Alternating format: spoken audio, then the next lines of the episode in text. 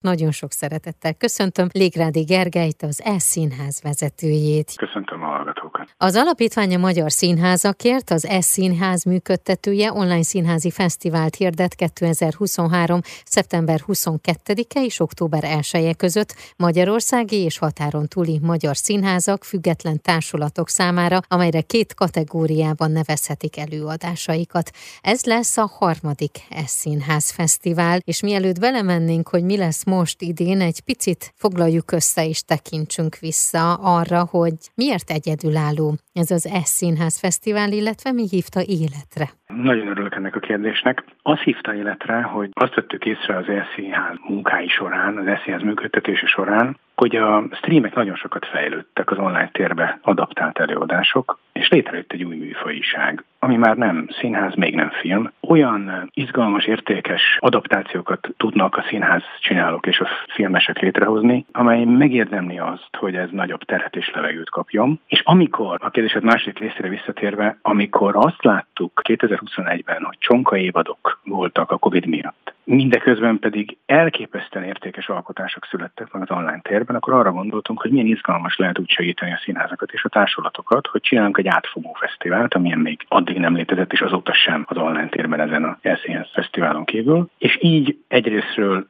levegőt tudunk adni nekik, országhatároktól függetlenül mhm. azokat átlépve meg tudjuk mutatni országvilág előtt ezeket a, az alkotásokat. Zárójel nyit a bevétel jó részét megosztva velük, tehát így segítve az ő munkájukat, zárójel zárva. Mindemellett pedig rá tudunk arra is világítani, hogy nem az a kérdés, hogy most a színház, az élő színház élőadása jobb, vagy a, vagy a streamer, már teljesen más dologról uh-huh. beszélünk. Úgyhogy ezért gondoltuk, hogy ennek van létjogosultsága, és idáig legalábbis az évek azt mutatták, talán most már kezdünk hagyományá érni, bár lehet, hogy ez egy picit még korai, hiszen ugye ez már a harmadik SZSZ Fesztivál, hogy egyre nagyobb az érdeklődés a színházak és a társulatok részéről, hogy megmutassák produkcióikat az online térben. Azt látjuk, hogy egyre kiforrottabbak ezek az előadások, és egyre jobban megtalálják azt a formanyelvet, amelyel igenis meg lehet szólítani a nézőt otthon a foteljében. Akkor egy picit még foglaljunk össze azt, hogy az első fesztivál ugye 2021-ben volt, a második 2022-ben. Itt volt-e valami tanulság, vagy cségessé tette esetleg azt a két fesztivált, és akkor majd utána jön az a kérdés,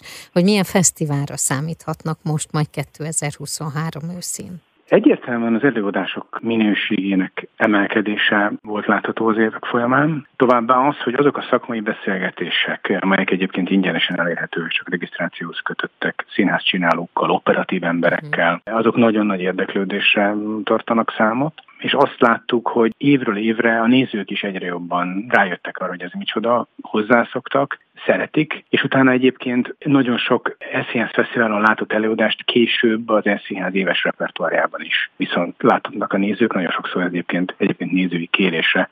Nagyon sok változás egyébként nem volt, mert azt láttuk, hogy ezt nagyjából talán jól lőttük be, hogy ez a két kategória, ez a próza és a gyerek és ifjúsági izgalmas lehet, mert végül is idén úgy döntöttünk, hogy gyerek és ifjúsági kategória nem indul, de azzal, hogy próbálunk a prózai színházra odafigyelni, ami azért határokat feszeget, mert van benne fizikai színház, amiben azért nagyon hangsúlyos a mozgás, de idén például, hogy érdekességet említsek, a Nagyvárosi Fények, amely a játékszín egyik remekbe szabott előadása, az egy Chaplin előadás, az egy néma végjáték. Persze van benne zene, de elképesztően izgalmas, hogy egy ilyen típusú alkotás milyen katartikus élményt válthat ki akkor, ha az ember két D-ben egy síképpen előtt nézi.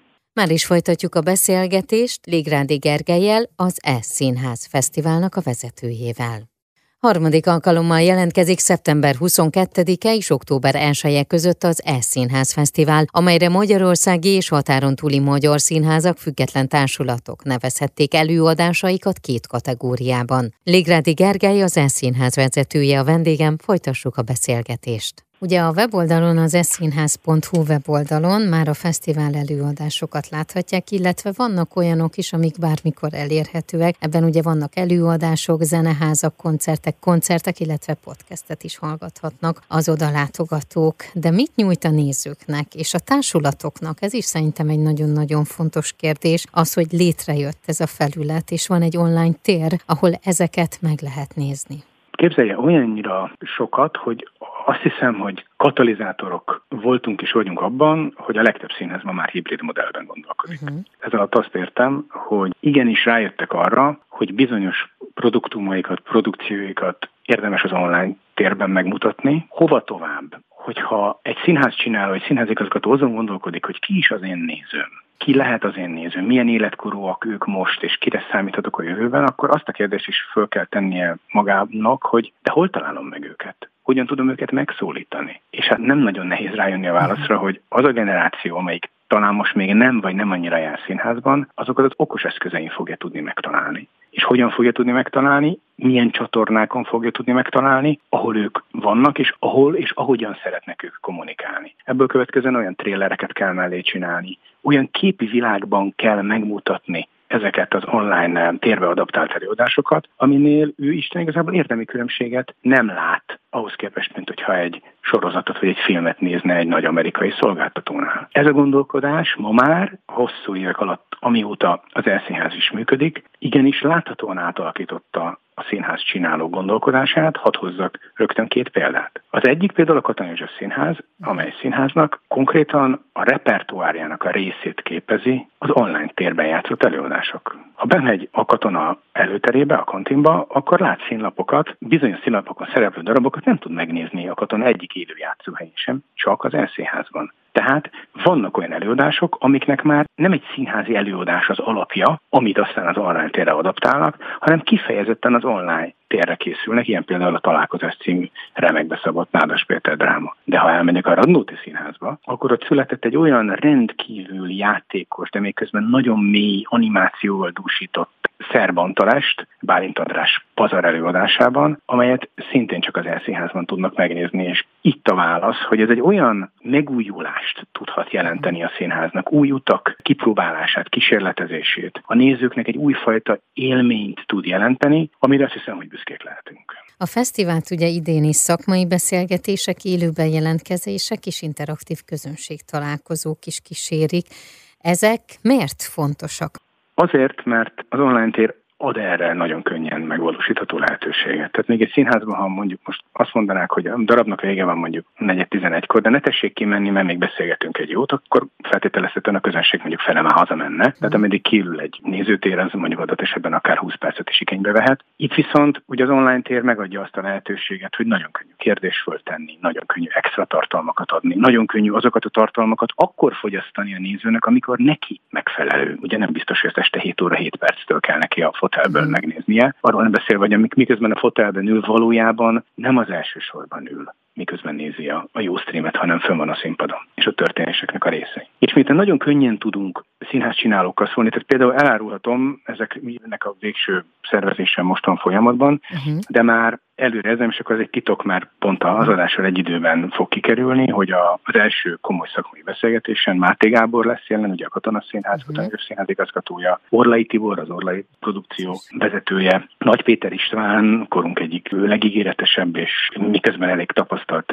színházrendezője, és Zsoldos Dávid, a Papagéno uh-huh. alapító vezetője fog részt venni, jó magam fogom vezetni a beszélgetést, és ezekkel, a, ezekkel az aktorokkal és kreátorokkal fogok arról beszélgetni, internet versus magas kultúra, és ezeknek milyen kihívásai vannak. És azt látjuk, hogy nagyon sokan érdeklődnek egy, egy ilyen szakmai beszélgetés iránt, amit aztán később utána korlátlanul vissza is lehet nézni. Tehát magyarul röviden a válasz, hogy amit egy online tér adhat, azt ki kell tudnunk használni, és amivel lehet adni, és amiben plusz lehet adni, a nézőt meg lehet szólítani, a nézőnek is lehetőséget lehet adni, hogy adott esetben kérdezzen ezektől az emberektől, azt szerintem nekünk kutyakötelességünk biztosítani. Az elszínház.hu weboldalon, tehát minden-minden részletes információt megtalálnak, és mi pedig itt a Papagino Klasszik műsorában fogunk még beszélgetni az Elszínház Fesztiválról, akkor majd olyan kérdések kerülnek elő, hogy hogyan zajlik is, majd ez a kilenc napos online színházi maraton, kik neveztek, milyen előadásokkal, na és persze arra is kitérünk majd, hogy kikből áll a zsűri, és milyen szakmai díjak kerülnek majd kiosztásra. Úgyhogy ezt folytatjuk, most pedig remélem, hogy minden mindenkinek felkeltettük a kíváncsiságát, és a fesztiválig az eszínház.hu oldalon minden más koncertet, illetve elérhető előadásokat meg tudnak nézni. Nagyon szépen köszönöm a beszélgetést. Én is köszönöm az összefoglalást. Elindult az Early Bird értékesítés. Ha van kedvük a kedves nézőknek, akkor nézzék meg, mert, mert nagyon izgalmas lehetőségekkel találkozhatnak, hogy majd ezt a kilenc napos színházi maratont végig tudják csinálni. Köszönöm szépen. Az elmúlt percekben Ligrádi Gergelyt hallhatták az E-színház vezetőjét, a témánk pedig harmadszorra jelentkezik az E-színház fesztivál.